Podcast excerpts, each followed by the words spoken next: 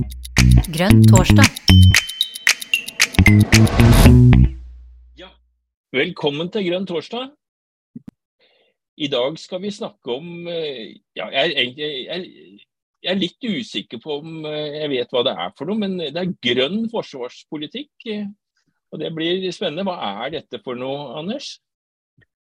Ja, det er eh, ja, Nå vil nok Robert, Robert Svendsen, som er eh, forsvarspolitisk talsperson for MDG, han vil nok helt sikkert svare på akkurat det, Jon. Så det tar jeg helt med ro.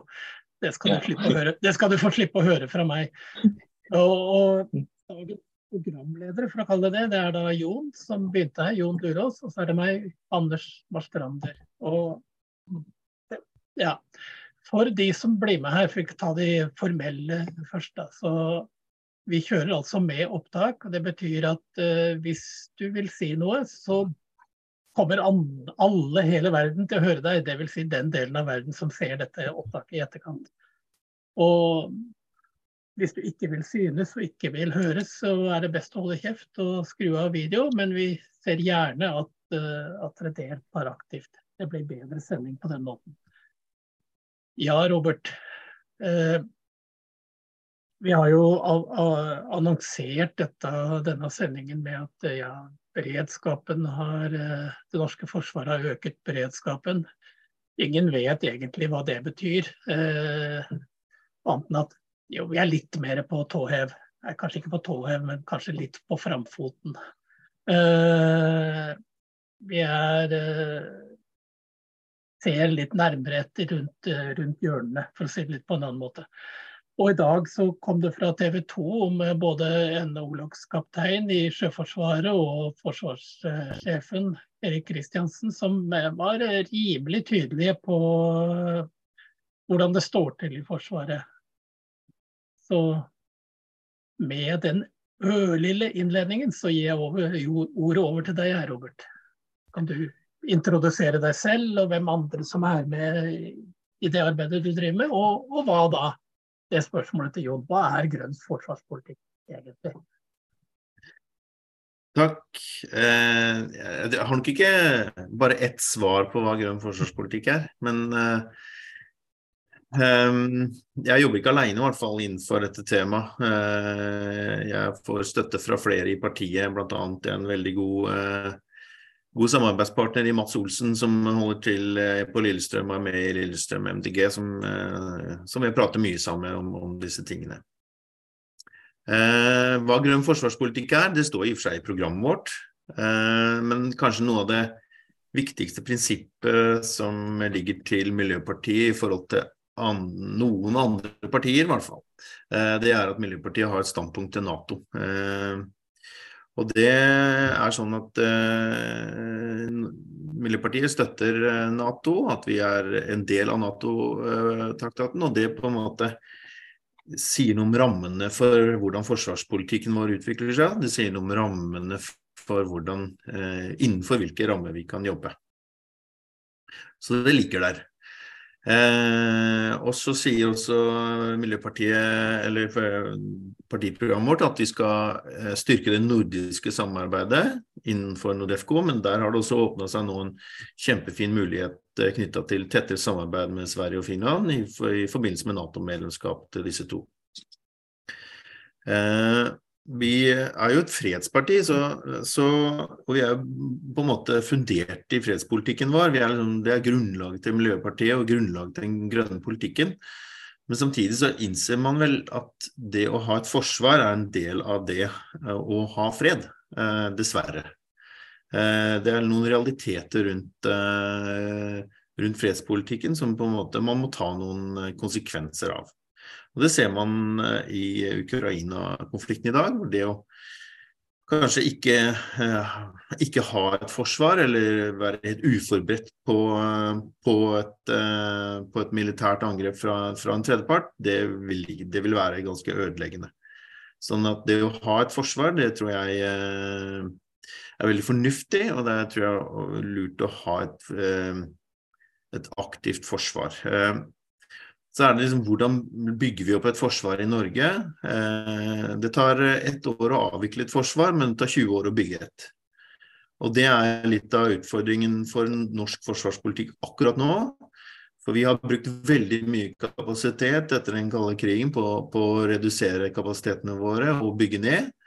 Og få ned pengebruken. Men samtidig så ser vi at etter uh, Russlands annektering av Krim, så, så, begynte det på en måte å skje litt, men det skjer ikke fort nok. Og man tok vel ikke helt det inn over seg, verken i det i den, uh, i den uh,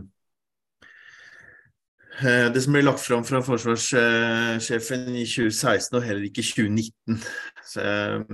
Det som heter fagmilitært råd. Og norsk forsvarspolitikk er nok litt sånn som jeg ser i hvert fall, et, uh, en utfordring i og med at vi har organisert oss litt rart da, etter denne, etter denne nedrustninga denne behovet for politisk kontroll for uh, å, å, redusere Forsvarets aktivitet etter den kalde krigen. Det kan vi komme litt tilbake til. Eh, grunnpolitikk, forsvarspolitikk handler også om forutsigbarhet eh, for finansiering av Forsvaret. Og det handler om tilstedeværelse, kanskje først og fremst. Tilstedeværelse og suverenitetshevelse er kjempeviktig, og det er typisk kystvakt, eh, maritime overvåkningsfly og den type ting som gjør denne, denne jobben for Norge i dag. Eh, Sivilforsvaret, svært viktig i totalforsvaret, sammen med selvfølgelig etatene brann, politi og, og andre som er med å utgjøre et totalforsvar. Og også Heimevernet. Der er eh, Miljøpartiet tydelige på at man skal øke antall personell i områdestrukturen, eh, og også i, i innsats, innsatsstrukturen. Der eh, ser vi nå at det, det, er flere partier som begynner å, å, se på dette, at det er viktig med denne tilstedeværelsen, og at man har kunnskap om å utøve et forsvar over hele landet. Dessverre så har man klart å legge ned um, det som heter eh, Sjøheimevernet. Eh, og Sjøheimevernet har vært en kjemperessurs med mange maritime enheter som har vært til stede eh, langs hele norskekysten i mange mange år. Og så klarer man å, å legge ned Sjøheimevernet, men der vil, der vil Miljøpartiet ta tak og prøve å styrke og få tilbake et sjøheimevern. Det tror jeg er veldig fornuftig hvis man har en idé om at eh, forsvar er også tilstedeværelse og hevding av suverenitet. Og så sier eh, partiprogrammet vårt at vi skal, være, vi skal styrke ettervernet for veteraner. Det er eh, et veldig viktig poeng. Vi har hatt folk ute både i første og andre Golfkrig, Afghanistan og andre konfliktområder, hvor, hvor, det å faktisk ta disse menneskene imot og gi dem en verdig oppfølging av, av de det som har prega dem og, tatt, eh, og, og setter preg på dem i resten av livet, eh, det er utrolig viktig. Og det er disse kommunale veteranplanene har vært et viktig tema som, eh, som, som vi må følge opp ute i lokallagene også. Det lages ofte sånne veteranplaner, men det å følge dem opp, det, det blir viktig for lokalpolitikerne ute i kommunene å sørge for at vi, at vi faktisk gjør. Uh, og så er det dette med forankring, hvor uh, kanskje Miljøpartiet, hvor Miljøpartiet er tydelig og sier at dette er, dette er, det Stortinget som skal debattere og vedta, det er ikke et regjeringsspørsmål uh, når man skal være med i internasjonale militære operasjoner. Så det er demokratidelen i, i disse tingene. Miljøpartiet er også for å opprettholde dagens verneplikt, men så er det også hele tiden jobbe da for å Der kommer liksom veldig Miljøpartiet og det er å, minimere Forsvarets miljø-, klima- og naturbelastning. Og det, Der finnes det teknologiske muligheter, og det er muligheter i anskaffelsessystemer, og det er en del smarte løsninger som vi kanskje bør begynne å diskutere. Eh, ikke minst av beredskapsgrunner eh, knytta til forsyning fra bl.a. bensin og diesel. Det kan vi kanskje si noe om seinere, men eh, jeg syns det er litt skremmende å se at vi legger ned raffineriene i Norge, eh, samtidig som vi baserer eh, mye av forsvaret vårt på fossilt drivstoff. Nå er det vel bare Mongstad igjen. Eh, Slagentang ble vel lagt ned i fjor, tror jeg. Eller forrige fjor.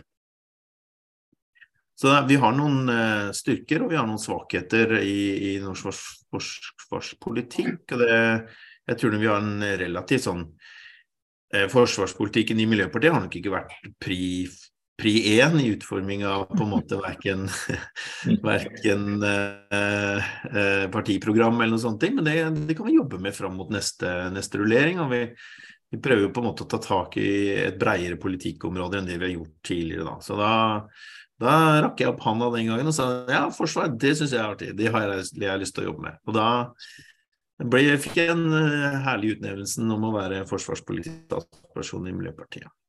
Og uh, Litt av bakgrunnen for det har nok vært uh, det som har skjedd rundt Andøya flystasjon, som vi har engasjert oss i lokalt i, i, lokallaget.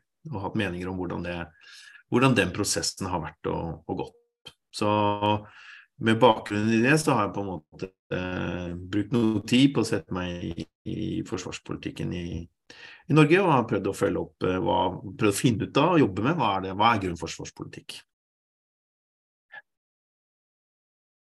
Oi. Ja. ja. Inn- og utpust. Politiker, vet du. Gi meg, gi meg en femmer, så skal jeg preike høl i huet på deg. Ja.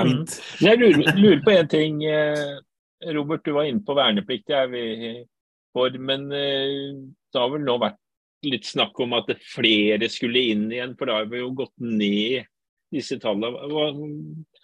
Er det grønn politikk og at det flere skal inn? Er det for få i militæret? Ja, jeg tenker at det går veldig på den Altså Det går veldig på noen uh, prinsipper om du skal på en måte eh, innrullere mennesker som ikke har lyst til å være i Forsvaret. Eh, men verneplikten kan være noe mer, og verneplikten kan også på en måte Det å utgjøre et forsvar trenger ikke nødvendigvis å være, være i militæret, men det er f.eks. det å kunne utøve sivil motstand, som vi ser i Ukraina, som blir gjort i Ukraina hver eneste dag det å ha kunnskap om å utvise sivilt forsvar og sivil motstand, det kan, være interessant. Om vi skal på en måte hjelpe eller utdanne mennesker til å gi kunnskap om hvordan det er man, hvordan er det man utviser den type forsvar. da. Og Det tenker jeg det kan være fin grønn politikk i framtida. Ikke nødvendigvis at alle skal inn i Forsvaret, men altså at man får noe kunnskap om, om hvordan man utøver en sivil motstand. Så det, men sånn som det er i partiprogrammet i dag, så står det at vi skal opprettholde dagens verneplikt. da. Men det er en rett da, til å nekte militærtjeneste av samvittighetsårsaker. Og det tror jeg, det skal vi holde på. Mm. Nå har jo verden endra seg Vent litt, Anders. Eh, verden har jo endra seg siden vi lagde det programmet. Ganske dramatisk. Så vi, det kan nok hende at ved neste korsvei at vi vil tenke ganske annerledes. Og så har jeg, jeg har vært på kurs i sivil ulydighet, jeg da, så Ja. Nei. Det er en måte å utøve sivil motstand på som, er, som vi kan bruke. Det er kompetanse. Ja. ja. Anders, vær så god. Ja. Jo, det jeg skulle si, var uh, om det å ha avtjent en eller annen form for førstegangstjeneste, enten det er på den ene eller andre eller tredje måten, det, det handler også om uh, eh, godt demokrati, sånn som hodet mitt virker i hvert fall. Eh, fordi det handler om deltakelse i demokratiet, deltakelse i samfunnet, og at alle skal få muligheten. Og, og mulighetene betyr jo at altså, i det rent militære førstegangstjenesten så er det stilles en del krav rundt fysikk og egnethet og en del sånne ting, men som, hvor kravene er annerledes i andre deler av, av totalforsvaret. Poenget mitt er egentlig bare at førstegangstjeneste på en eller annen måten handler også om deltakelse i samfunnet. Og da demokrati og åpenhet uh, om hva som er, hva er Forsvaret vårt. Og da, er, treffer vi egentlig i mitt hode rett inn i grønn ideologi og, og en del sånne ting. Mm. Jeg er helt enig. Ja, det, det, kan, det, er flere modeller rundt dette her som går an å se nærmere på, tenker jeg, fram mot neste, neste program. og det eh, Jeg syns sånne tanker er spennende. altså Kanskje alle skulle gjennomgå en slags rekruttskole uten at man må ut i det militære i det hele tatt, men i alle vet hva, hvilke verdier, fellesverdier vi har, og, og, hvorfor vi står for de tingene som vi står for, og hva er det vi ønsker å forsvare i landet vårt. Hva er det som er viktig for oss i fellesskap. Og det kunne lage den type arena for å skape en, en større fellesskapsforståelse kunne vært kjempespennende. Mm. Jeg har lyst til å hoppe videre, siden du vi, ja, Det var jo jeg som brakte oss over på demokrati og sånt, men, men, du antydet så vidt at du kunne si litt mer om politisk styring av, av Forsvaret og den omleggingen som skjedde for ja, det er noen år siden, men, men allikevel. Ja, jeg, jeg, jeg, Kanskje jeg har hengt meg opp i det, men samtidig så, så, er det noen sånne røde flagg i den organiseringen som er Som jeg som jobber i det offentlige, eh, på en måte har når det kommer til organiseringen i Forsvaret, og hvordan vi legger fram langtidsplaner, og, og hvordan disse utarbeides. Eh, I 2003, tror jeg, rundt der, så skjedde det en omlegging av Forsvarsdepartementet eh, og og den militære ledelsen, som kalles integrert strategisk ledelse, eh, ISL, heter den ledelsesmodellen. Og den er sånn at man sitter samlet i, Akershus festning og utgjør både en politisk del og en forsvarsfaglig del, som et slags fellesskap i utarbeide og følge opp, følge opp Forsvaret i Norge. Det Eh, når jeg jobber i, med plan og naturvern og sånt, så ville det vært helt tragisk hvis Miljødirektoratet og, og, Kommunaldepartementet skulle sitte på samme kontor og utforme felles politikk. Eh, for meg så er jeg opptatt av at, eh, i, at, at det skillet vi har i Norge mellom fag og politikk, er egentlig utrolig bra.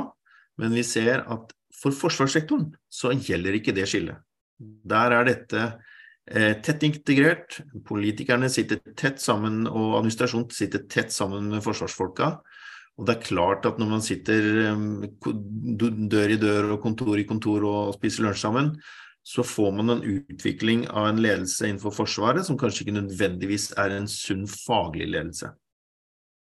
Og Jeg mener at vi ser noen resultater av det eh, gjennom det fagmilitære rådene eh, som har kommet, og det står veldig fint beskrevet i den artikkelen som eh, ligger på TV 2 i dag, hvor, eh, hvor eh, eh, langtidsplanen opererer med en ABCD-taktikk, hvor politikerne på en måte kan velge hvilket nivå de vil.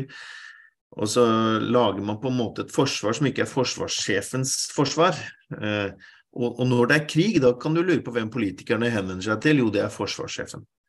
Så han blir på en måte ansvarlig, faglig ansvarlig for noe han egentlig kanskje ikke har lyst til å være faglig ansvarlig for.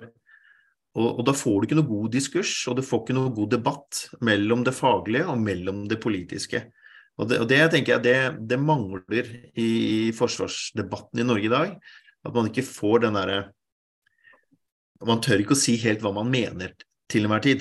Og Derfor eh, opplever vi jo f.eks. nå at forsvarssjefen begynner å bli tydelig. Han skulle vært tydelig for lenge siden. Rollen hans er å være tydelig som fagperson for det fagmilitære. Men, men når, denne, når vi har organisert oss på en måte at eh, man man blander politikk og fag, så er det vanskelig for forsvarssjefen å være tydelig. Alle, alle må liksom holde seg inne med hverandre i en sånn struktur. Um, for en tiårs tid tilbake så stemte Stortinget over hvorvidt man skulle gjøre en, uh, en evaluering av ISL, eh, denne ledelsesmodellen. og forslaget ble faktisk, og Tanken var at Riksrevisjonen skulle se på den modellen, men altså forslaget om å Eh, gjøre en revisjon av sin egen modell, den falt altså i Stortinget. Så vi har aldri vurdert eller evaluert eh, den ledelsesmodellen vi har for Forsvaret i Norge i dag. Men det finnes mange studier det finnes mange studier rundt eh, problemstillingen. Eh, og det er bare å lete litt under ISL, så ser man både mastergrader og en del andre ting som er tatt rundt ledelsesmodellen og problemer knytta til ledelsesmodellen. Og det, jeg syns jeg så det litt på den eh, jeg, ja, jeg, Nå blir jeg litt sånn Du får sånne følelser noen ganger. og det er eh, Når eh, Norge heva beredskapsnivået, så ble det holdt en pressekonferanse hvor, hvor både Støre, Gram og forsvarssjefen var til stede. Og, og, når det begynner å brenne, så peker politikerne bort på forsvarssjefen.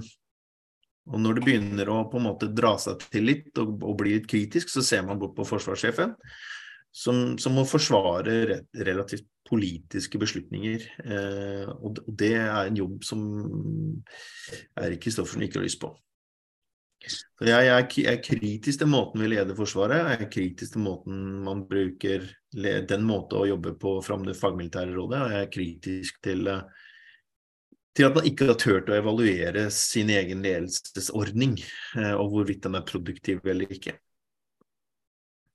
Eh, kunne man se for seg at MDG skulle prøve å løfte et sånt forslag igjen? Ja, og det har vi spilt inn nå i, eh, til, i budsjettkommentaren vår, at vi ønsker å ta fram det, at vi skal evaluere ISL som modell. Eh, altså Politisk innblanding, eh, eller den måten å lede på, funker veldig bra i fredstid. Men i en, tid hvor ting begynner å dra seg til, og hvor på en måte kommandolinjene må være klare for å kunne utøve et forsvar, da, da, starter man ikke med et utvalg som begynner å diskutere hva vi skal gjøre. Da er det rene kommandolinjer som gjelder. Og per i dag så, er, så tror jeg forsvarssjefen syns at det er vanskelig. Uten at jeg har snakka med ham. Men uh, jeg synes, hvis, hvis dere ser på den konferansen, så er det spennende å se på hvordan det spillet mellom forsvarssjefen og uh, forsvarsminister utspiller seg. Eh, vet du hvordan dette er i andre land? Er, er det flere som da har denne spesielle vrien? Eller kjenner du ikke noe til det? Det, det, det, er, vanlig, det er ikke vanlig i de nordiske landene, i hvert fall. Um, men du har jo land hvor du på en måte, når du skifter politiker, så skifter du på en måte alle. Uh, mm. Så det, det finnes ulike modeller, men jeg tror ikke det er vanlig i det nordiske, nordiske samarbeidet. Så det, det, var nok en god idé den gangen, fordi da følte man på en måte at Forsvaret var for tungt og var vanskelig å kontrollere rent politisk. At man ikke klarte å på en måte ha en god eh, styring med Forsvarets utvikling eh, og budsjettene. Altså, og da trengte man å komme inn og liksom si at her er det, husk på at det er, vi, det er politikerne som bestemmer over budsjettene, og at det er sånn, det, dette er arbeidsområdet deres. Og det funker når man inn i en, uh, i nedrustningsfase, tenker jeg. Når, når ideen er å, å, stramme inn og ideen er å, å, kutte. Men når man skal begynne å uh, detaljstyre f.eks. kjøp, Eh, innkjøp, eh, gjøre helt ned på detaljvalg av hvilke kapasiteter eh, Norge skal anskaffe. Så er det det fagmilitære rådet som må gjelde, og ikke, ikke et semifagmilitært politisk råd. Da er, det, da er, det, hva som funker for forsvarssjefen som må komme fram, ikke hva som man har forhandla fram i, i Forsvarsdepartementet og, og forsvarsledelsen samla.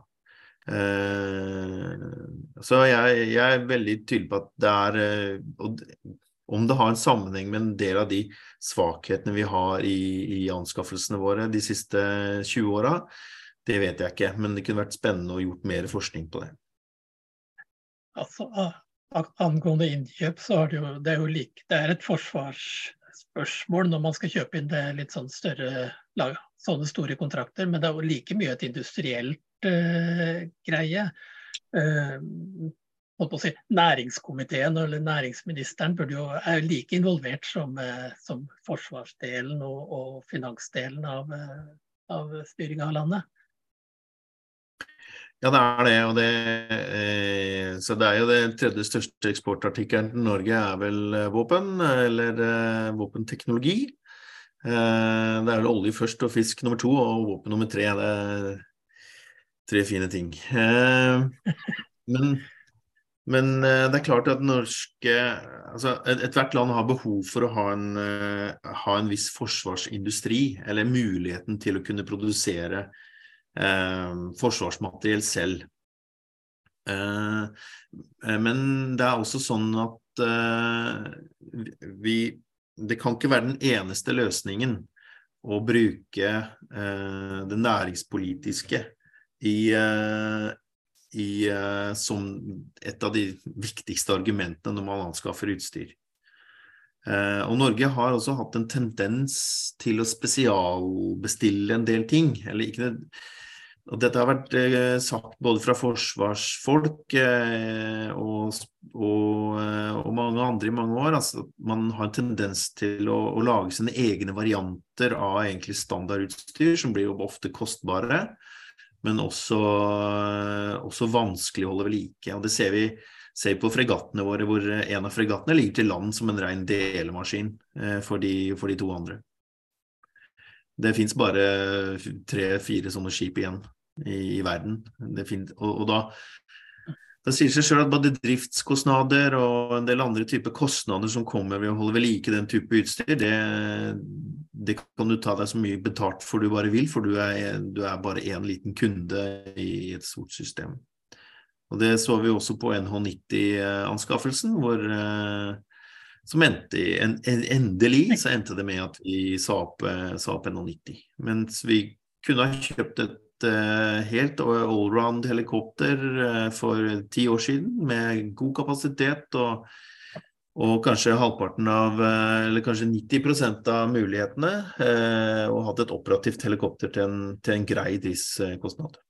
Men, men, vi valgte å gå inn i et spesialleveranse som er veldig krevende. Og vi, er, vi, er, en liten nasjon. Eh, men det er sånne ting, da teller, da teller uh, gjenkjøpskontrakter og sånt noe mer enn en faktisk hva man, hva man, gjør av anskaffelse, tenker jeg. Mm. Da har vi faktisk kommet uh, dit i sendingen at uh, noen av publikum har lyst til å, å, delta, og det setter vi veldig stor pris på. Malin, du har rukket opp hånden. Det har jeg. Jeg bare tenker Det har vært mye snakk om oppdrettslobbyen i det siste, så jeg lurer litt på hvor mye våpenlobbyen har av påvirkning på norsk politikk.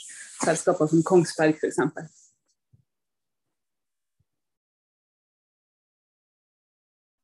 Nå holdt jeg på å slå en intern spøk, eh, Malin, men det ikke gjøre. Eh, Malin er, er da altså min eh, leder i Miljøpartiet De Grønne her i Andøy. Så dette er lokale forhold. Eh, våpenlobbyen, altså Husk på det at i Norge så eier staten i og for seg de samme De eier på en måte våpenprodusenten. De eier Nammo, de eier Kongsberg, de eier Eller deleier og deleier og eier. Sånn at eh, staten er på en måte inne på alle sidene i en sånn ja, rundt det her, da, som det er en egen lobby. Det, det er jo liksom Det er på en måte staten alt sammen. Og, og vi vet at uh, det er klart at uh, disse kontraktene f.eks. mot det amerikanske markedet og kontraktene mot det europeiske militære forsvarsmarkedet er, betyr mye for, uh, for, disse bedriftene, som er statlig eid. Men, men, spørsmålet er om det skal gå på bekostning av norsk forsvarsevne. For det, det har nok gjort. Det har nok gjort. Man har valgt utstyr som uh, som ikke nødvendigvis var den, uh, en, en, grei og god løsning til en god nok pris, men har valgt å gå inn i samarbeid som sørger for at norsk forsvarsindustri kan utvikle seg og tjene penger, men det er ikke nødvendigvis det beste for det norske forsvaret. Bestandig. Mm lokale arbeidsplasser er vel også et element her. Ja, men nå, Unnskyld, Malin hadde kanskje noe oppfølging? ja. Nei, men Det med lokale arbeidsplasser da, på Raufoss og Kongsberg er jo eh, Det er jo ikke ubetydelig antall folk som jobber der. Så det er klart det betyr noe, og det, og det er jo sånn at vi, vi, ønsker å ha en forsvarsindustri i Norge, som jeg sier, pga. vår egen selvforsyning av, av, både teknologi og en del andre ting. Men spørsmålet er da at som jeg, som jeg sa i stad, altså, det Det bør ikke gå utover norsk forsvarsevne av den grunn. Eh, vi må velge utstyr som, som er uh, mulig å vedlikeholde til en OK kostnad. Vi må velge utstyr som uh, kanskje ikke er øverst på hylla i delikatessebutikken, men er greit nok og litt sånn Rema-aktig. Kalasjnikov, er det det du mener nå? da fikk du den. Eh, den. men, men, eh, men det går nok på vi er, vi, altså vi er, en liten nasjon, vi må huske på det. Og vi er få folk egentlig som jobber i, i Forsvaret. og vi eh, det viktigste ressursen i Forsvaret, sånn som jeg ser det, er ikke utstyr, det er folka. Mm. men vi ser eh, sånn litt erfaringene fra, fra, Ukraina er jo også det at det, lette våpen som er lette å, å, håndtere, er faktisk ganske så effektive. Selv mot store og tunge styrker. Og Der kommer jo M72 inn da, som en sånn eh, som en joker i og for seg, sammen med enkle droner og sammen med relativt eh, enkle antiluftskyts og den type ting som, som, kan slå ut veldig store investeringer eh, og, og, tunge og type fly og tunge type landbasert materiell. Og det, og det er en veldig sånn eh, Å ja, det går faktisk an å på en måte drive et, et eh, relativt lite eh, komplisert forsvar eh, med høy grad av forsvarsevne.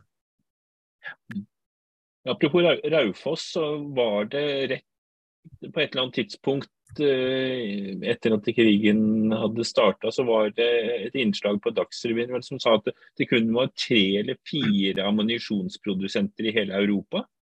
Mm hvis jeg husker riktig. Da er, det, da er det jo ikke bare Norge som sliter med sjølberging, hvis vi skal bruke sjølberging, eller det er kanskje litt. Sjølforsyning. Ja. ja. Mm. Nei, det, det, er, det, er, jo eh, sånn Europa har utviklet seg, så har vi jo vevd oss veldig tett sammen. Eh, og, hvor, og, den økonomiske politikken man har ført, hvor ingenting skal stå på lager lenger. Alt skal på en måte flyte jevnt i et marked. og Det går på diesel, og det går på bensin og det går på veldig mange av disse innsatsfaktorene som i en krise og i en krig kan bli et, eh, kan bli et problem. da. Eh, det går på alt fra raggsokker til uniformer. Altså. Det går helt ned på det nivået der. Og det å, eh, Nå hadde Forsvaret ute en stor kontrakt på anskaffelse av ny feltuniform. og Heldigvis er det et norsk firma som skal levere, levere dette. Det er et samarbeid med, med Sverige og Danmark, etter hva jeg husker. Eller om det var Sverige og Finland. Stoffet kommer fra eh, Kina. Hæ? Stoffet, stoffet, kommer fra Kina, tenker jeg. Mm. Forsvaret er så mangt, på en måte. Det er på en måte evnen til å til å utruste befolkningen sin med nødvendige ting i en krisesituasjon. Og der eh, der fungerer ikke Norge alene lenger. Der er vi helt avhengige av både av naboene våre og Europa for å få det til. Det er jo interessant at du, du, kom inn på Sverige og Finland, for det illustrerer det som er i ferd med å skje her. Det illustrerer jo også eh, i hvilken, eller vi får se da, i hvilken grad vi evner å legge om eh, Forsvaret når vi får de, våre to naboer her med, som vi har landgrense til, og eh, Finland stor grense mot Russland. Mm. Når de blir medlem i Nato og blir all, nærmeste allierte, så betyr jo det en endring av norsk forsvarspolitikk, eh, går jeg ut fra? Ja, jeg håper virkelig det. Nå håper jeg virkelig at Norge ser sin mulighet i å på en måte utvikle et eh, felles nordisk eh, militært samarbeid innenfor rammen av Nato. Eh, jeg tenker at, og det har også amerikanerne sagt, at eh, vårt blikk vender seg bort fra Europa over tid, og det vil vende seg mot Stillehavet og, og den retningen i mye større grad. Eh, de, de vil amerikanerne vil selvfølgelig være, ha interesse i Europa, det, det vil de ha. Men, men, vi ser jo også en endring inn, innad i USA som kanskje ikke er så heldig for, for utviklingen av Nato. Og eh, Donald Trump eh, har vært president i fire år, og, og han har sin altså Det republikanske partiet vil komme til makten også i framtiden. Og man er på i ferd med å endre amerikansk intern amerikansk politikk og bli mer introverte, og ikke så ekstroverte som man har vært før, hvor man har sett hvor man på en måte har eh, spilt en rolle, stor rolle inn i, inn i Nato. Og det, det som skjer internt i USA, er viktig for utviklingen av Nato. Og, og da tenker jeg at eh, da vil jeg heller jobbe de neste ti åra med å utvikle et godt felles nordisk samarbeid innenfor rammen av Nato. Og også jobbe mye tettere innenfor rammen av Nato mot, eh, mot Europa. Eh, samtidig så signerte, signerte, vel her i våres så signerte regjeringen en, en avtale med det amerikanske forsvaret som, som, innebærer rett og slett amerikanske baser på norsk jord. og det Jeg syns det er ganske så kritisk i Norge. Det er en del av den Ikke en del av den politikken som vi har sagt at vi skal ligge på.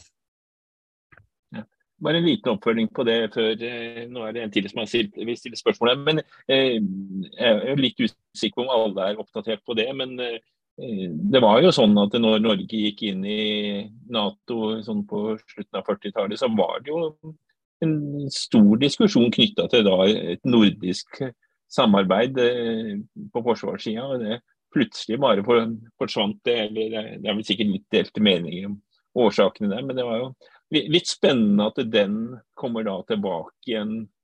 Nå, nå i hvert fall de mulighetene åpnes, da. At man og med den usikkerheten som nå USA representerer, så ja, så det er en spennende framtid. Men Julie har eh, kasta seg på her. Ja, hei. Hei. hei. Eh, Takk for veldig interessant introduksjon, Robert. Um, som Jon sa innledningsvis, han nevnte det før dere starta, at jeg jobber i Direktoratet for samfunnssikkerhet og beredskap. Uh, og du var inne på totalforsvaret innledningsvis.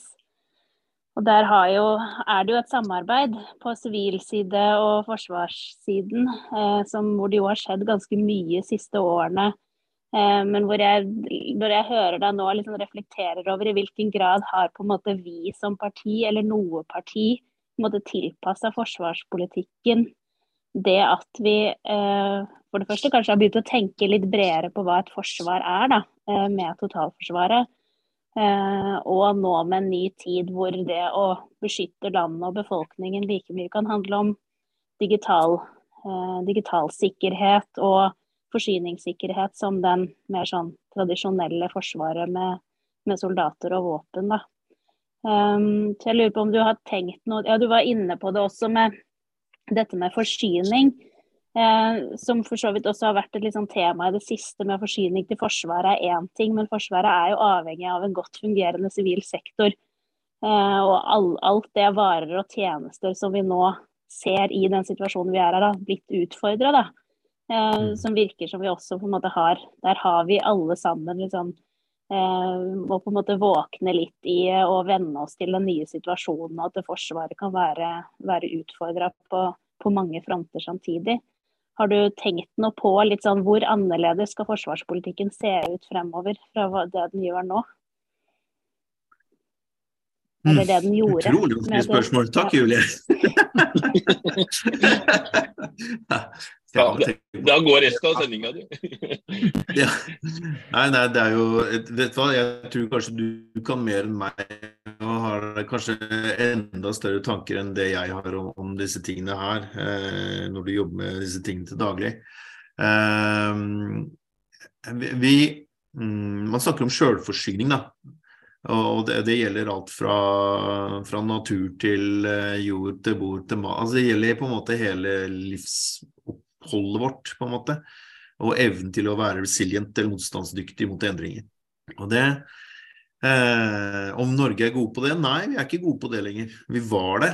Vi var det etter andre verdenskrig, og vi blei det i den kalde krigen. Men så har vi på en måte sagt at det, dette er ikke viktig for oss lenger. Vi har satsa på andre ting. Vi, vi, bruker ressursene våre annerledes enn å, enn å ha kornlagre og ivareta matjord og, og en del andre typer sånne basic ting som på en måte gjør at du kan uh, gjør at du kan holde opprettholde en befolkning og en forsvarsevne over tid. Da. Og uh, vi har også valgt en del ting knytta til spesielt nordområdene som, som, vi ser avfolkes, rett og slett. Uh, så, så, vi velger noen sånne økonomiske insentiver, og velger, vi velger mange ting som påvirker evnen vår til å være motstandsdyktig og være til stede eh, og hevde vår suverenitet. Da. Det høres veldig sånn forsvarsmessig ut, men vi velger hele tiden små ting som gjør at vi gjør oss mer sårbare, tenker jeg. Det gjelder alle sektorer. Det gjelder eh, næringsliv, det gjelder kommunalforvaltning og offentlig forvaltning og statsbudsjetter og alt. Jeg vet ikke hvorfor vi mista den Vi mista noe et eller annet sted. Jeg tror vi mista den derre ideen om at vi, at vi kunne bli utsatt for en ny storkrig i Europa. Det ble ikke med i ligningen lenger. Vi bare tok ut, bare tok ut den delen og bare la den til side og sa dette er ikke aktuelt lenger. For stabilt for lenge, kanskje. Ja. Julie, har du noe oppfølging? Ja. Jeg, har masse, men jeg skal ikke kuppe resten av sendinga. Men, men, men, jeg syns jo Jeg, jeg, jeg reflekterte over det når partiet vårt gikk ut og eh, i hvert fall, om ikke på eget initiativ, men i hvert fall svarte på spørsmål fra NRK om tilstanden på tilfluktsrommene f.eks. Så tenker mm. jeg at det, det, handler jo ikke nødvendigvis om sittende regjeringer. Det handler rett og slett om hele vår på en måte, perspektiv på forsvar, da, som plutselig mm. har endret seg ganske kraftig Eh, og veldig brått. Og da skal vi være forsiktige med å være etterpåkloke, tenker jeg, alle mann. Men, eh, men, litt sånn i forlengelsen av det dere snakket om før jeg fikk ordet i stad også, så det er jo noe med solidariteten og samarbeidet her også, når, når det går på det der med, med forsyning. Da, som du nevnte, Forsvaret er avhengig av diesel. Eh, hvordan, hvordan, vil det se ut dersom man på en måte nå skal bygge opp lagre, eller man skal bli veldig obs på sitt eget forsvar, sitt eget eh, beredskap? Om det kan utfordre Eh, også samarbeidet med naboland, da, fordi at det blir en sånn utfordring med leveranser. Eller tenker du at vi er robuste nok i samarbeidet med våre nærmeste naboer til at ikke det vil utfordre oss for hardt? Nei, jeg er overhodet ikke robust nok. At, men, men, det gir på en måte Det nye Nato-medlemskapet til Sverige og Finland gjør at vi, at vi eh, blir, kan bli mer robuste, tenker jeg å utvikle samarbeidet både sivilt og militært og på, på forsyningssida og sikkerheten, og lage avtaler mellom, mellom, disse nordiske landene som på en måte har en viss felles kultur og en viss felles forståelse og, og har en interesse av å opprettholde hverandres suverenitet. Da. Så jeg tenker at det, det, er noe vi må jobbe med både på den sivile siden, men også på den militære siden. Uh, så JAS Gripen er et fantastisk flott femtegenerasjons jagerfly uh, som blir produsert av nabolandet vårt. Uh, Svenskene er kjempeflinke både på våpenproduksjon og utstyrsproduksjon. De har en helt annen Det samme er Finland når det kommer til forsvarsmateriell. Og, vi har en annen jobb enn det de har når det gjelder forsvaret av, av nordflanken. Så det er liksom vi, vi, må, vi, må, utarbeide felles planer og styrke det felles nordiske samarbeidet. og Da kan både varer og tjenester og, og både sivilt og militært flyte bedre. Så vi har masse å jobbe med innad i det, i det, innad i nordiske samarbeidet. og det, det ligger et stort potensial som kan gjøre alle land mer robuste. Og for de som hører på, da, eh, når, når vi nå snakker om forsvar og, og, beredskap, da handler det ikke bare om militært materiell. For det her, den flyten av eh, mellom over landegrensene her, fordi vi også er, eh, blir allierte, den handler jo om mye mer enn bare det rene forsvarsmateriellet. For det har vi jo eller, Sånn er det bare. Det vi trener på å samhandle med, det blir vi gode på å samhandle med i, i krig- og krisesituasjoner. Så, så, det er ikke sånn at vi skal ha det på en papirplan. At vi skal jo da, vi skal være flinke til å prate sammen og, og, og handle sammen. Vi må, vi må, gjøre det i praksis. Kanskje med militært materiell, men i hvert fall også med sivilt materiell for å bruke sånn type matvarer. Kornlager har jo vært i vinden nå de siste. Absolutt. Er, har vi noen flere spørsmål?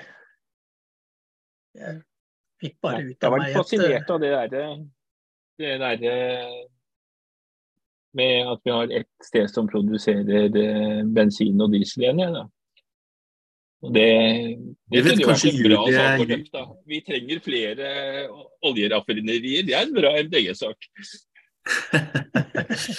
Eller så kan vi si det at eh, elektrifisering av Forsvaret er kanskje smart, for her har vi mange, mange, mange små kraftverk som produserer masse, masse, masse strøm som kan gi eh, gode løsninger. Eller hydrogenifisering, f.eks. Så eh, tilgangen Det er bare det er bare en lagringsform for energi. Eh, er noe vi er kjempeflinke på i Norge, så er det å ha et, eh, ha et robust kraftnett over hele landet. Så det er veldig spesielt at vi ikke skal bruke det eh, robuste kraftnettet til å også være en del av totalforsvaret vårt, tenker jeg. Mm. Så det er en god grunn til å kjøre grønn politikk inn i, inn i Forsvaret og si noe om disse tingene. Det er ikke så dumt, det. Eh, vi hadde jo eh, litt eh, tøff sak internt i partiet. Det, og det er jo ikke akkurat forsvar, men det var jo det å selge våpen, sende våpen til Ukraina. Og eh, jeg kjente veldig på det at eh, hvor, hvordan skal man bevege seg i dette, eh, dette her og fremdeles beholde de grønne verdiene. Nå tenker jeg veldig i ettertid at vi greide det, men det var liksom Jeg vet ikke hvor, hvordan du var om du var noe involvert i, eller tenkte noe, eller noe knytta til den saken. Det er litt interessant å um, høre hva du tenkte. Det ser ja. ut som du gjorde det. Mm. Vi, var, vi ble involvert i den saken, og det, det, er kjempebra at partiledelsen på en måte spør. Vi var flere mm. som var involvert. Jeg for min del var opptatt av at de må levere våpensystemer og våpentyper som handler om å kunne ta ut eller sette ut da, eh, tyngre forsvarsmateriell. Eh, og da eh, gjerne lettere våpentyper. Én eh, ting er å drive forsvar, en annen ting er å drive angrep. Hvis du skjønte hva jeg mente med forskjellen. Eh, det å f.eks. introdusere tunge våpensystemer fra, fra Nato-allierte, og, og, det så jo også flere av de Nato-allierte land, Nato-landene gjorde, de ga ikke de tyngste våpnene. Og de var restriktive ved å holde tilbake til, til, våpen som på en måte fungerte som forsvarsvåpen, i hvert fall i starten. Og så har man introdusert noe tyngre våpenstøtte etter hvert. Og eh, NASAMS var vel en av de, altså dette luftforsvarssystemet som Norge produserer, og som vi tester mye her ute på Andøya. Så, så var det et, et, større spørsmål om du skal sende den type våpensystem, eller om du skal sende M72, som er en, eh, en eh, På en måte kan ta ut en tanks, da, som er et håndvåpen. Og det, mm. altså, altså, hvor, hvor langt opp skal du begynne å, å I den tunge, tunge forsvarsmateriellet skal man gå? Hva er det man skal introdusere i et sånt system? Og det, jeg er, litt, jeg er, litt sånn, jeg er kanskje litt sånn mm, passiv av meg i den, i den, diskusjonen. Jeg tenker det at vi skulle, jeg tenkte at vi skal gi eh, vi skal gi ukrainerne en solid mulighet til å forsvare seg. Og det som, men det som er litt av utfordringen Nå kommer jeg, banner jeg sikkert i alle kjerker i hele verden. Det er at, eh, at eh, når vi utstyrer den ukrainske hæren eh, og gjør dem veldig kapable til å, til å utøve strid, sånn som vi gjør nå. Vi trener opp veldig mange ukrainske til å utøve forsvar.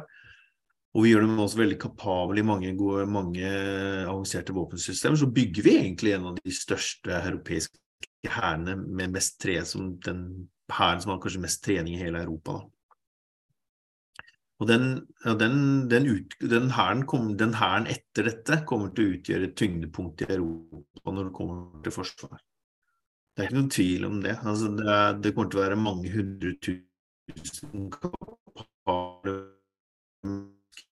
med høy kunnskap om, om, våpen og våpenteknologi. Eh, hvorvidt det kommer til å påvirke eller skje noe, skje, hva som kommer til å skje med eh, Hva som kommer til å skje etter, etter, dette, for det kommer jo en etter dette til slutt, eh, eller hvor ting har stabilisert seg på et lavere konfliktnivå osv., det, det, det blir kanskje vel så eh, ikke spennende, men jeg tenker krevende. Og det er flere som har vært inne på det. Hva, hva skjer når når, eh, når Ukraina presser tilbake eh, med tyngre og tyngre våpensystemer, f.eks. mot en russisk hær som faktisk begynner å se ganske utbomba ut. Og det er alltid en risiko. Og den risikoen den har vi blitt tatt mange ganger i mange konflikter hvor hvor man har brukt eh, motstand og motstandsgrupper trent militarisert, og så ser man det at oi, det var ikke så veldig lurt allikevel. Da sier jeg ikke at det kommer til å skje i Ukraina, men, men det er alltid en risiko ved å gjøre store menneskemengder kapable til å utøve militær makt. Der kom Freds-Robert inn i debatten. Ikke? Ja, sånn etter 50 minutter så kom den, ja. ja, der kom den. Men det er en det er jo, ja, det er jo selv, selvsagt en del usikkerhet der, ja. Og vi, hvor langt skal Ukraina prøve å ta tilbake en land? Og, eh, ja. Vi får, får håpe at mange... de greier å stoppe. Mm. Ja, det, det, går mange russiske sivile liv òg. Altså, nå kaller jeg mange av de som ble sendt inn, som ble, ble drafta sist, da. De, de, er jo så å si sivile mennesker som, som, går inn i krigsforløp som, hvor, de er, eh, hvor de er dårligere trent, dårligere utrusta og har dårligere, mye mindre erfaring innenfor stridsområdet. Så det, det, er jo, det, er jo, ikke bra, det her. Altså, man tar liv eh, massivt fra begge sider. Mm. Livet er liv. Mm.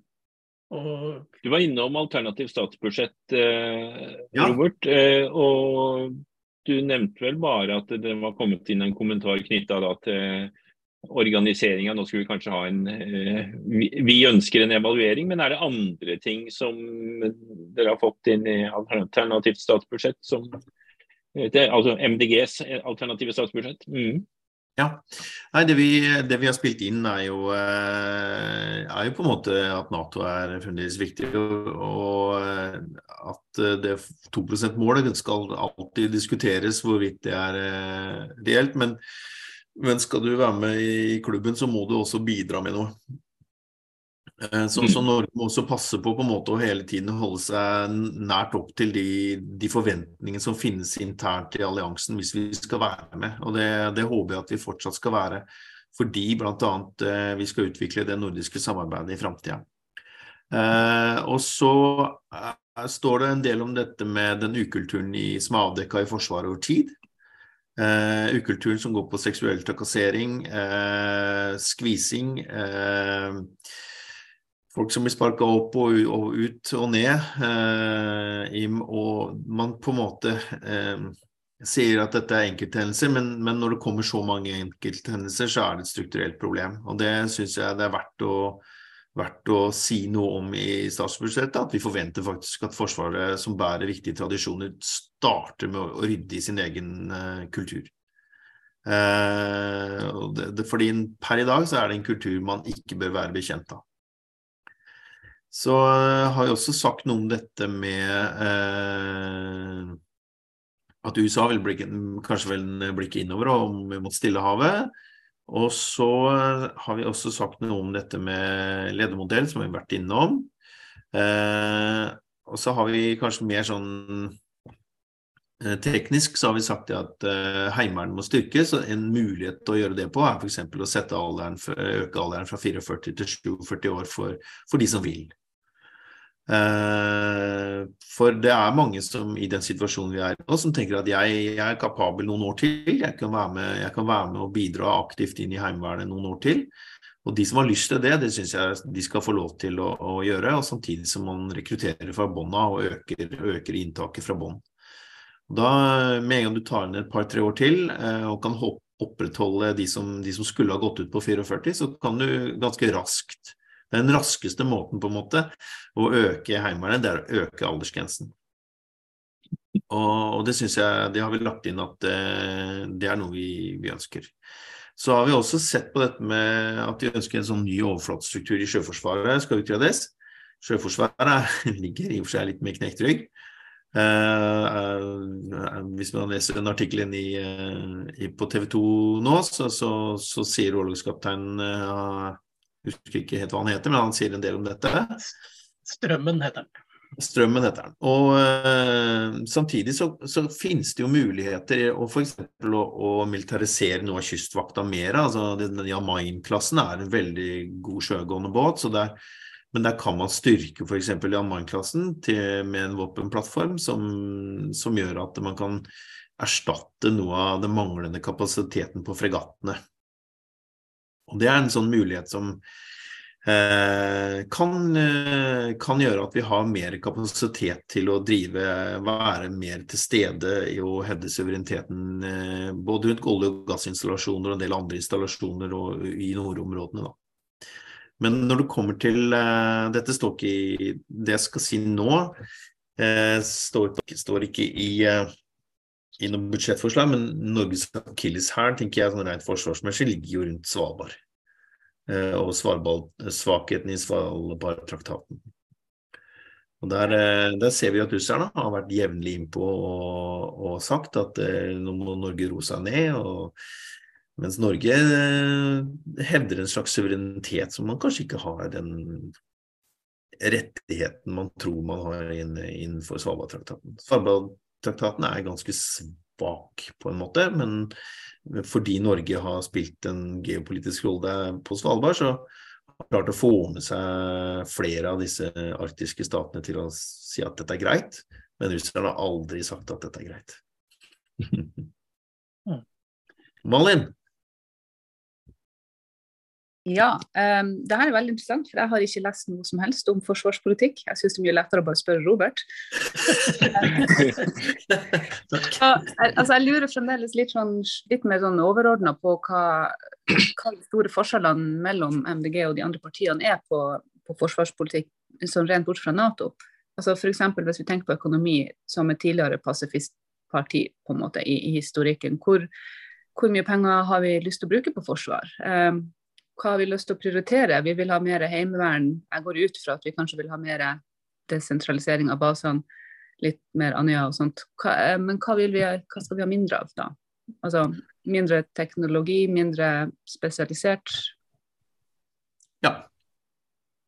Eh, altså, Norge har eh, jeg, jeg, tenker i hvert fall at Norge har gjort eh, gjort noen grep, da. Eh, en, en, måte på en måte vi, vi, skal legge oss tett opp til 2 %-målet som en del av som, en NATO, et, som et Nato-land, så må vi nesten være med å bidra inn i det fellesskapet.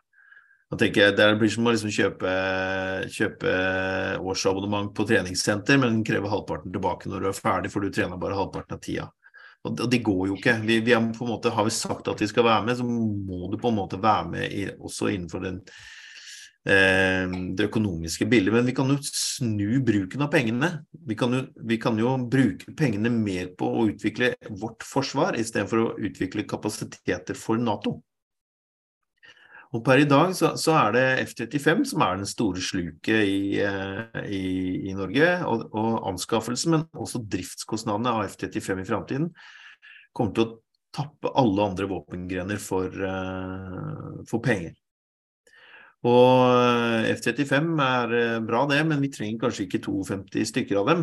Eh, vi burde kanskje gå ned på antallet og si at det, det finnes andre våpengrener og annen type forsvarsmateriell som, som gir grønnere forsvarspolitikk. Eh, F.eks. styrke Heimevernet, styrke eh, eh, å, Kystvakta, styrke tilstedeværelsen i nordområder, styrke Eh, de maritime overvåkningsmiljøet, MPA f.eks. Sjøheimevernet, Sjøheimevern og den type ting. Ja. Mm. Det, er, det, er, grønnere forsvarspolitikk enn å si at vi skal si at vi putter alle pengene inn i F-35 og håper det går bra. Ja. Og Det er det vi gjør nå. Det er det vi putter nesten alle investeringsmidlene våre inn i F-35, og diskostanden vår kommer til å eksplodere. For det er et kjempedyrt fly å holde, holde flyvende og, og aktivt. Uh, vi nærmer oss veldig slutten, men uh, og vi er jo der vi er nå i, uh, i Norge. Og at til neste år så er det kommune- og fylkestingsvalg. Du var så vidt innom kommunene her med en ja, veteranplan, hvis jeg kan være så kalle det det. Men er det andre ting de som eh, skal sitte og lage kommunevalgsprogrammer og fylkestingsprogrammer og, og sånt noe, bør ta med seg eh, som forsvarspolitikk. Jeg vet jo at eh, forsvarspolitikken er et nasjonalt og, og, i og for seg internasjonalt ansvarsområde, men, men det treffer jo på kommunenivå også. Ja, ja, absolutt. Men der tenker jeg Julie var inne på noe i stad. Dette går jo på, på det kommunene har ansvar for både av Sivilforsvaret. Vi skal jo kommunene etter Sivilforsvarsloven så skal vi jo stille med både lagerplass og øvingsområder og lokaler. og Vi, vi må på en måte sørge for at Sivilforsvaret har muligheten til å utvikle seg videre. Og at vi sørger Miljøpartiet er med på å si at dette er viktig for oss i, i kommunesammenheng. Og tilfluktsrom, eh, alt det andre som på en måte går på den sivile forsvarsdelen, der, der, sitter jo kommunepolitikerne med mange, mange muligheter innenfor sitt, sitt budsjett. Eh, jeg sitter nå sjøl og planlegger ny brannstasjon og lager for Sivilforsvaret i min egen jobb, som, eh, så jeg er nødt til å så, og det er viktige ting, og det er viktige ting at Miljøpartiet passer på den sivile delen ute i kommunene, tenker jeg. Og så er det jo kanskje også tilrettelegge for eh, for at f.eks. kystvakt og den type ting kan, kan være stede i de ulike kommunene. Mm. Vi er stort sett kyst, i hvert fall vi som ikke bor i, i byen. ja, og så bor jeg Fikk du noen tanker nå, Julie? Du skrudde på kameraet, du våkna litt. Det noe var, for, var fordi Robert sa navnet mitt, så tenkte jeg skulle vise at jeg var her fortsatt. Ja, nei, Jeg støtter veldig det han sier. Jeg tenker at vi som kommunepolitikere kan eh, kanskje være enda mer nysgjerrige og spørre og grave litt. Det har nok ikke vært tradisjon for å på en måte drive så mye politikk på beredskap, men det er jo det er, I den samme loven som Robert eh, viste til, så står det at man skal forankre politisk disse planene og analysen man gjør. Så det, det tenker jeg absolutt at det, Ja. Mm. Og det, altså, Hvor ofte har man diskutert Sivilforsvaret i kommunestyret eh, de siste åtte åra? Ikke. eh, I hvert fall veldig lite i Andøy. Eh, diskuter, men her diskuterer vi mye, mye forsvar, da, i og med nedleggelsen av Andøy flystasjon. Men, eh, men for, for kommunene så er det jo på en måte som ikke er militærkommuner, sånn i, sånn i anførselstegn, så er det jo det sivilforsvars messige ansvaret som ligger til kommunen, som er viktig å ivareta, tenker jeg. Og også nødetater. altså det, det, er jo klart Vi er helt avhengig av nødetatene våre. Eh, oppegående nødetater. Og der har kommunen et ansvar hele veien. Vi fant, da... vi, fant, vi fant, ut at vi hadde en veldig gammel brannbil i Andøy. Det er sånne ting. Det, dette er også forsvar. Dette er også utrolig viktige kapasiteter og ressurser og kompetanse som, eh, som kommunepolitikerne er direkte ansvarlig over. Da håper jeg at uh, de som ser på, som skal lage sånne programmer, uh, får med seg de siste ordene der. Vi kunne ha fortsatt i en time til, det er jeg helt sikker på. Og kanskje vi skal lage en sending til en eller annen gang til neste år eller noe sånt. om bare Vi tar bare en litt annen vri, og så kan vi sikkert fortsette samtalen allikevel. Men eh, Grønn torsdag har nå en tradisjon da, på å avslutte etter rundt en time. Og timen har gått. Dette var veldig interessant, syns jeg i hvert fall. Og tror du syns også det, Jon? Du ble plutselig veldig engasjert i forsvarspolitikk? Ja, og uh, totalberedskapen er vel mer min side, da. Og det, det det hadde jo Robert skjønt at det var viktig for meg, så det dro han fort opp. jeg tror det er viktig for alle, Jon. ja. ja. Nei da. Så Ja, nei, men dette ble veldig bra, så jeg, kan, kan, jeg komme med en oppfordring nå til slutt? Mm. Gjør det. Eh, vi, vi, er, i, vi er no, noen eh, geeker da, som er interessert i forsvarspolitikk, som, eh, som samarbeider og ringer hverandre og, og, prater sammen rett som det er. Og hvis man er interessert i dette politikkområdet og syns at dette er spennende, og da peker jeg på Julie, så, så håper jeg på en måte at vi kan utvikle mer forsvarspolitikk og, sammen. Jeg er ikke interessert i å sitte i den rollen jeg sitter i nå, som helt alene. Så jeg er veldig opptatt av å snakke med folk og finne ut av ting og, og hjelpe hverandre. Vi er et uh, kjempelite parti som trenger å trekke på alle de ressursene vi har. Så hvis man er interessert i dette fagområdet, så er det jo fantastisk om man tar kontakt. Det formidles herved. Ja. Nei, men uh, Da er vi vel ferdige, Anders. Og takk til Robert for en god sending.